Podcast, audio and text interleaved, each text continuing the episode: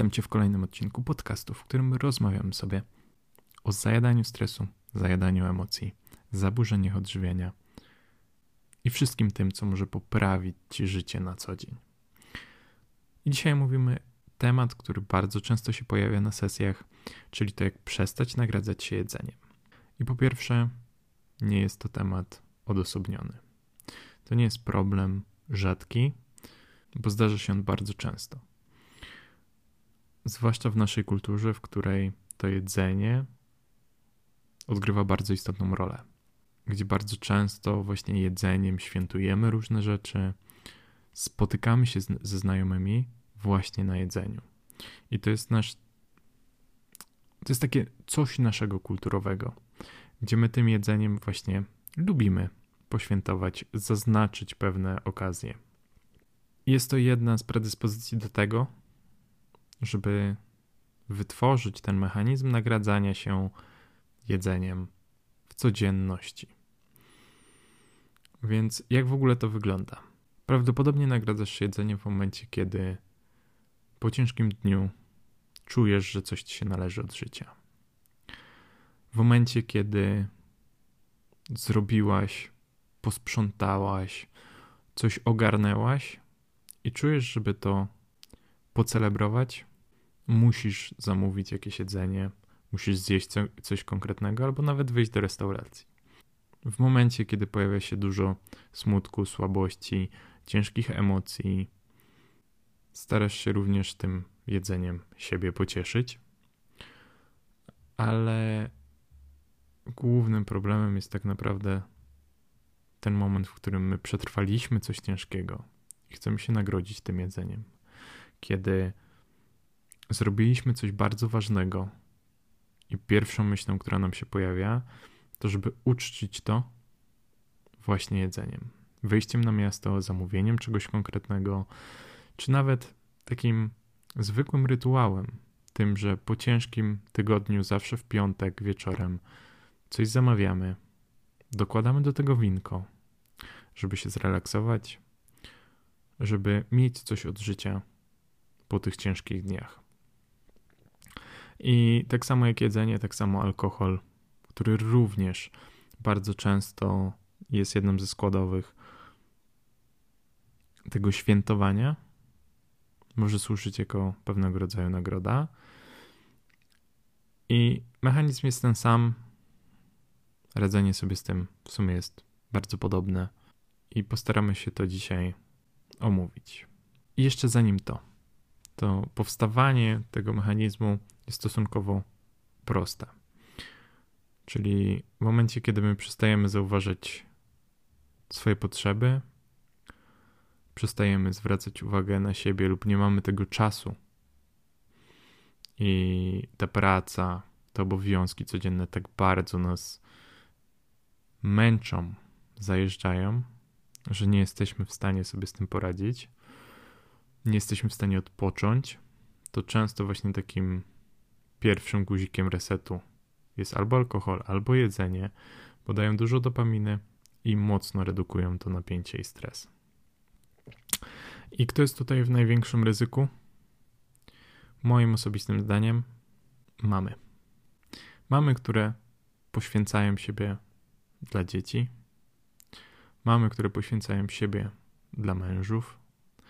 Mamy, które przez to, w jakiej sytuacji się znalazły, czują, że muszą się poświęcić, że te ich potrzeby są mniej ważne, że one teraz nie mogą odpoczywać, one muszą dbać o dzieci, dom, rodzinę i zaniedbują siebie. Zaniedbują czas dla siebie i spychają siebie na ostatni plan. To jest duża grupa ryzyka, której jakiś mechanizm radzenia sobie z tym wszystkim musi się wytworzyć. Bo nie możemy ciągle dawać, nie ładując siebie bo musimy po prostu mieć z czego dawać.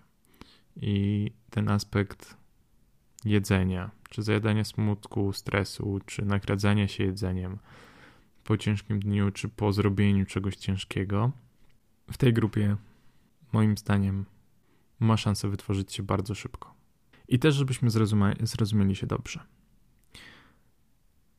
Nagradzanie samo, samo z siebie nie jest niczym złym.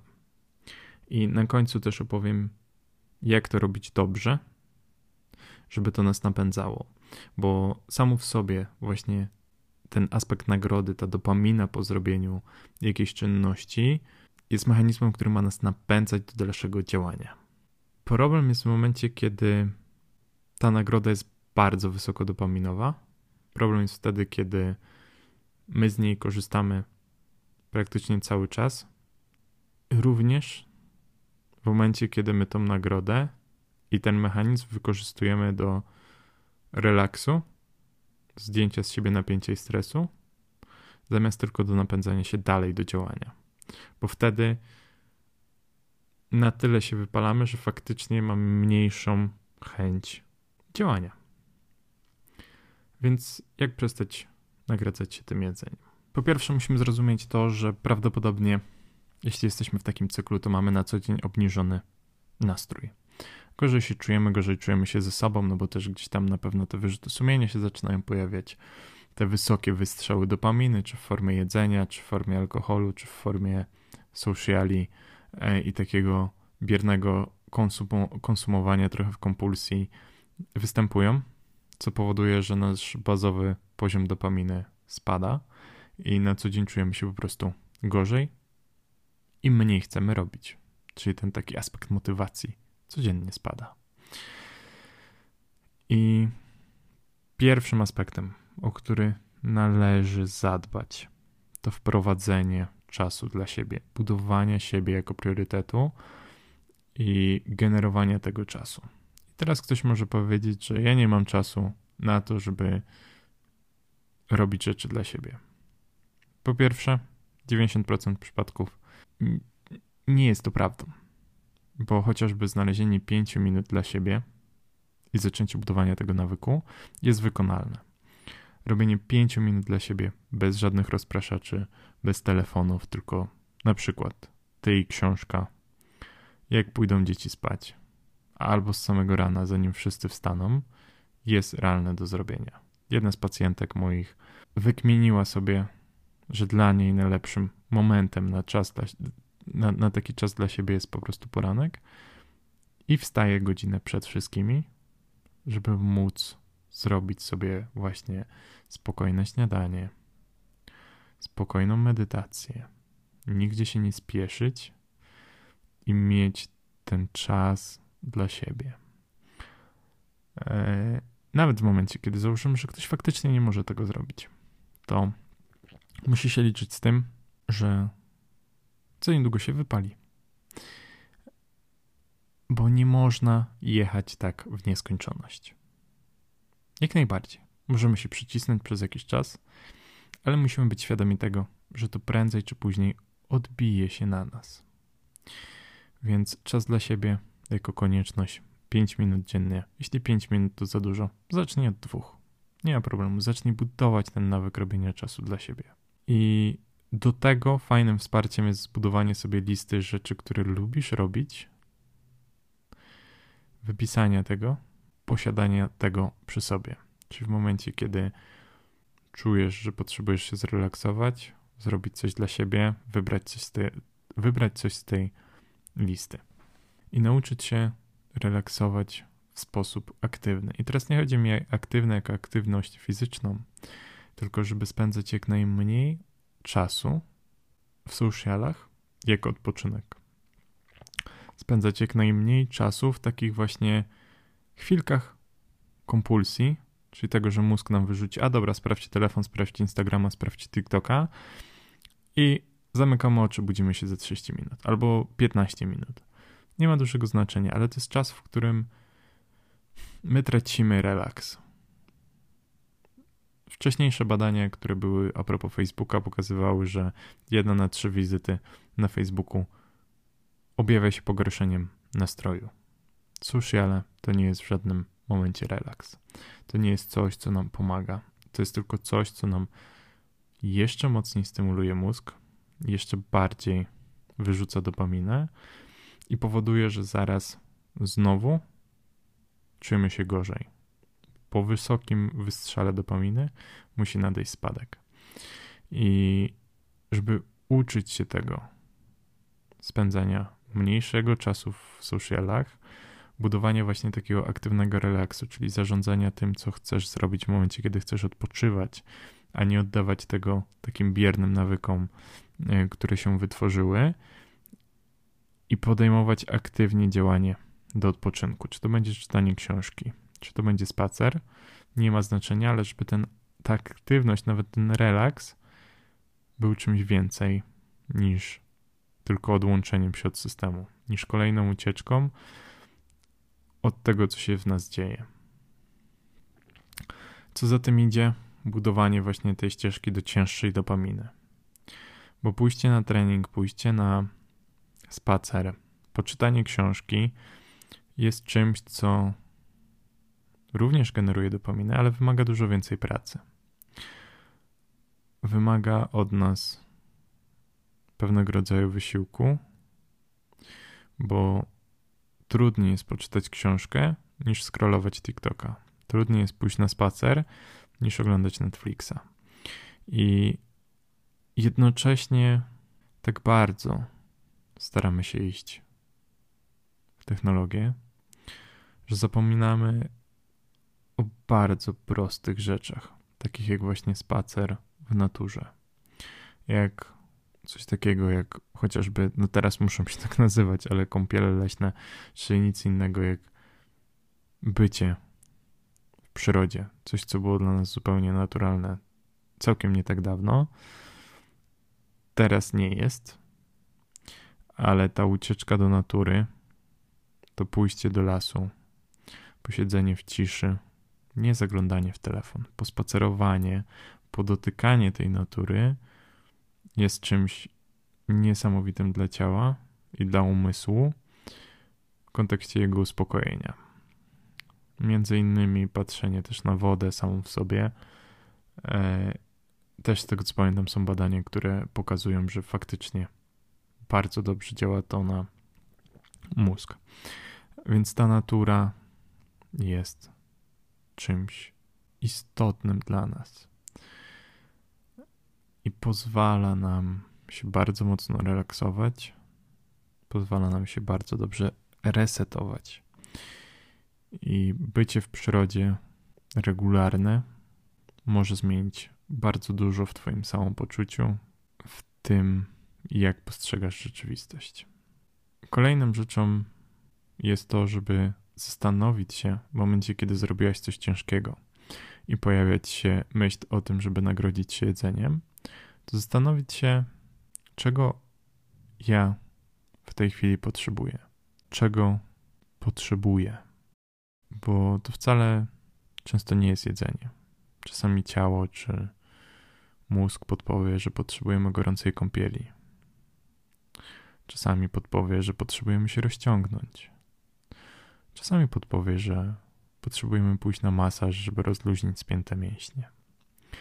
I to schodzenie do swoich potrzeb i zadawanie sobie takiego prostego pytania, czego ja dzisiaj potrzebuję, może zmienić bardzo dużo, bo zaczynasz dostrzegać potrzeby swoje, swojego ciała, swojego umysłu, a nie pędzisz cały czas. Nie bazujesz na takich wyrobionych nawykach, wyrobionych schematach, tylko realnie jesteś w stanie się zatrzymać, zastanowić, czego ja potrzebuję, co siedzi we mnie. Ostatnim takim trochę bonusowym tipem, który może pomóc w, w regulacji kortyzolu yy, i jednocześnie sprawić, że, że to nasze samopoczucie na co dzień również się poprawia, to jest ekspozycja na światło dzienne. Jest niezwykle istotne, zwłaszcza w tym okresie jesienno-zimowym, ale również przez cały rok. Yy, czyli wystawienie się na światło dzienne z samego rana. Wystawienie się na te 5-10 minut na słoneczko, nawet jak jest za chmurami, ale na to, żeby nie siedzieć przez cały dzień w czterech ścianach bez prawdziwego słońca, prawdziwego oświetlenia, tylko wystawiać siebie, swoje oczy na promienie słoneczne. Bo możesz mi wierzyć lub nie, ale to wpływa na nasz poziom energii w ciągu dnia. To jak się czujemy, to jak śpimy również, czyli właśnie to dobowe wydzielanie kortyzolu i melatoniny. Pojawia się też to właśnie pytanie, jak prawidłowo się nagradzać, czym się nagradzać i czy w ogóle to nagradzanie powinniśmy wdrożyć do życia. Moim osobistym zdaniem, nagradzanie się za pewne rzeczy powoduje, że bardziej nam się chce. Powoduje, że mocniej przemy do przodu, żeby osiągnąć dane cele, bo za nimi oprócz tego osiągnięcia celu możemy dostać jakąś inną nagrodę. I jednym z aspektów tutaj tego jest wyznaczenie celi życiowych, które chcemy osiągnąć, dzielenie ich na poziomy. Co to oznacza? Oznacza to, że akurat przykład pieniędzy jest jednym z najprostszych, ale to, że chcemy zarabiać 10 tysięcy miesięcznie. I to jest nasz główny cel, to jest to, do czego dążymy. Ale ustalamy sobie pomniejsze troszeczkę takie checkpointy na poziomie 30 i 50%, czyli na poziomie 3 i 5 tysięcy, za których spełnienie również otrzymujemy nagrody. I za każdy z tych celi, osiągnięcie tego celu, wyznaczamy sobie nagrodę, którą możemy odebrać sami od siebie. Czyli chociażby to, że za to, że zarabiam 3000 miesięcznie, nagrodą za to jest wyjazd na weekend. Nagrodą za zarabianie 5000 miesięcznie jest wyjazd na tydzień. A nagrodą za zarabianie 10 tysięcy miesięcznie jest wyjazd na tydzień, na przykład w pięciogwiazdkowym hotelu, czy w hotelu, za który trzeba zapłacić 1500 za noc. Te nagrody muszą być dopasowane do ciebie, do tego, co cię motywuje, ale to, co one również budują, to to, że te cele nasze i spełnianie ich nie jest zero-jedynkowe. Czyli to, że my dążymy do 10 tysięcy, nie oznacza, że my się nie rozwijamy wcześniej. Że my wychodząc z zarabiania 3000 i będąc dzisiaj na 8000, nie osiągnęliśmy nic, bo nie osiągnęliśmy celu 10 tysięcy. One pokazują, jak ta nasza droga wygląda i że cały czas przemy do przodu. I powodują trochę takie trzy małe przyspieszenia, bo to akurat badania pokazują, że im bliżej celu jesteśmy, tym bardziej aktywni się też stajemy, chętniej zaczynamy działać, zaczynamy działać więcej, zaczynamy przyspieszać. Więc tak naprawdę takie mamy trzy dodatkowe bonusy tuż przed każdą nagrodą, w których my jeszcze bardziej się spinamy, żeby dopiąć to, co trzeba. I to, co jest mega istotne, to to, że na codzienne rzeczy, odpoczynek, jedzenie, czy cokolwiek innego, ty nie musisz zasłużyć. Ty nie musisz na to zapracować. Odpoczynek, jedzenie jest czymś zupełnie normalnym i tutaj w ogóle nie mam mowy o czymś takim jak zasługiwanie. Bo jeśli zatrzymujemy się na aspekcie zasługiwania i mamy głębokie poczucie tego, że nie zasługujemy na coś, to sobie tego przede wszystkim nie dajemy a nawet jak to dostajemy, to czujemy dyskomfort i to powoduje, że mamy dokładnie to, na co czujemy, że zasługujemy. W momencie, kiedy tego nie czujemy, a to dostajemy, to zaczynamy sami siebie sabotować, żeby wrócić do stanu, w którym czujemy się ok.